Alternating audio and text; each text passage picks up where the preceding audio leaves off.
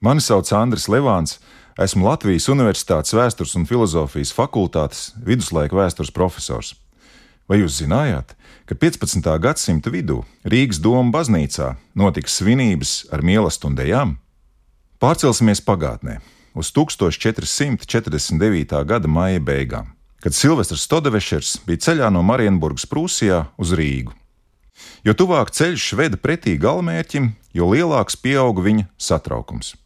Vēl pavisam nesen, 1448. gada oktobrī, pāvests viņu bija iecēlis Rīgas arhibīskapa pamatā. Taču Silvestris labi zināja, ka ir vācu ordeņa virsmestra ieliktenis. Pie tam par šo izvēli tika samaksāta milzu nauda pāvesta kūrijā Romā.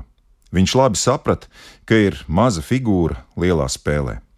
19. jūnija agrā priekšpusdienā Silvestris kopā ar pavadītājiem nonāca Daugavas krastā pretī Rīgai un patiesi bija viņa izbrīns, ka kuģis, kas gaidīja Daugavas krastā, esot bijis paredzēts tieši viņam, grezni rotāts ar krāsainu zīda audumiem, skaists un majestātisks.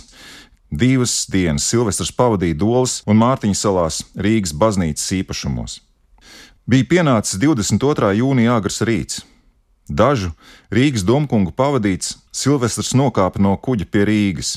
Mani sagaidīja liels līksmu ļaužu pūlis. Tiem pa vidu stabulētāji un bazūnētāji, un liels esot bijis troksnis, viņš rakstīja vēstulē. Gājiens apstājās pie balts telts, kurā ienākot, sākusies svinīga procesija. Tās noslēgumā Domkungi iedeva Silvestram zvērsta tekstu, kas viņam būs jārunā Doma baznīcas priekšā. Iespējams, ka līdz tam brīdim apžīlības no sev pievērstās uzmanības viņš bija piemirsis nedrošības sajūtu, kas kopš Marienburgas pavadīja.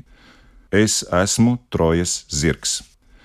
Teltī un Domkungu klātbūtnē šī sajūta atgriezās, taču bija jau sācies arhibīska pamatā ieviešanas rituāls.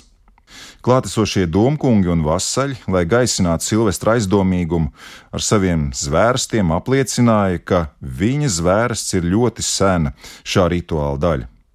Pēc tam es uzvilku koras vārku šūts no zīda, uzliku galvā almūciju un sekoju procesijai līdz pat domu baznīcas svārtiem. Tur, pie ziemeļa portāla, zvērēju saskaņā ar tradīciju, ka domkungiem atstāja visas brīvības, tā Silvestras vēstulē. Tad kopā ar Dunkungiem viņš lēni gāja līdz katedrālas vidum. Tur, sastājušies lokā ap Silvestru, viņi dziedāja: Te deum laudāmus, tevi Dievs mēs slavējam! Dziedājums vēlvēs vēl atbalsojās, kad nākamo arhibīskapu aizved pie lielā altāra un lika apsēsties augstā, īpaši viņam domātā krēslā. Svētās misijas laikā, ko celebrēja Teodoriks Nāgels, Dunkapitula prāvests, neumulīgā sajūta atgriezās par spīti svinīgajai gaisotnei vai mani pieņems, vai varbūt noindēs. Bez tam misijas laikā viņam tuvojās kāds no vasaļiem ar atkailinātu zobenu. Dīvainā choreogrāfijā esot nākuši citi vasaļi rindās ar aizdegtām lāpām rokās, kas esot, kā vēlāk viņam skaidroja, uzticības apliecinājums. Pēc šīs neparastās izrādes man bija jāiet doma baznīcā pie galda, jo domkungi rīkoja mīlestību kopā ar labākajiem vasaļiem.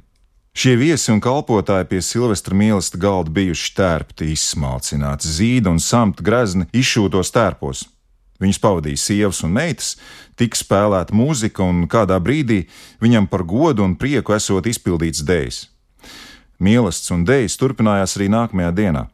Doma katedrāle, līdzīgi citām baznīcām, viduslaikos bija gan liturģisko ceremoniālu, gan politisku rituālu norises vieta, kur slavēja Dievu, iedibināja jaunas, vēlams, stabilas sociālas attiecības un atjaunoja tradīcijās balstītu tiesisko kārtību.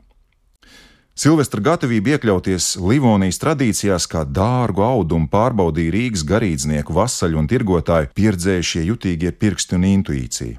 Ar zvērstiem un asarām viens otram viņa apsolīja uzticību. Rīgas pilsoņus Silvestris lūdza atlaist saviem parādniekiem parādus, kas tā arī notika.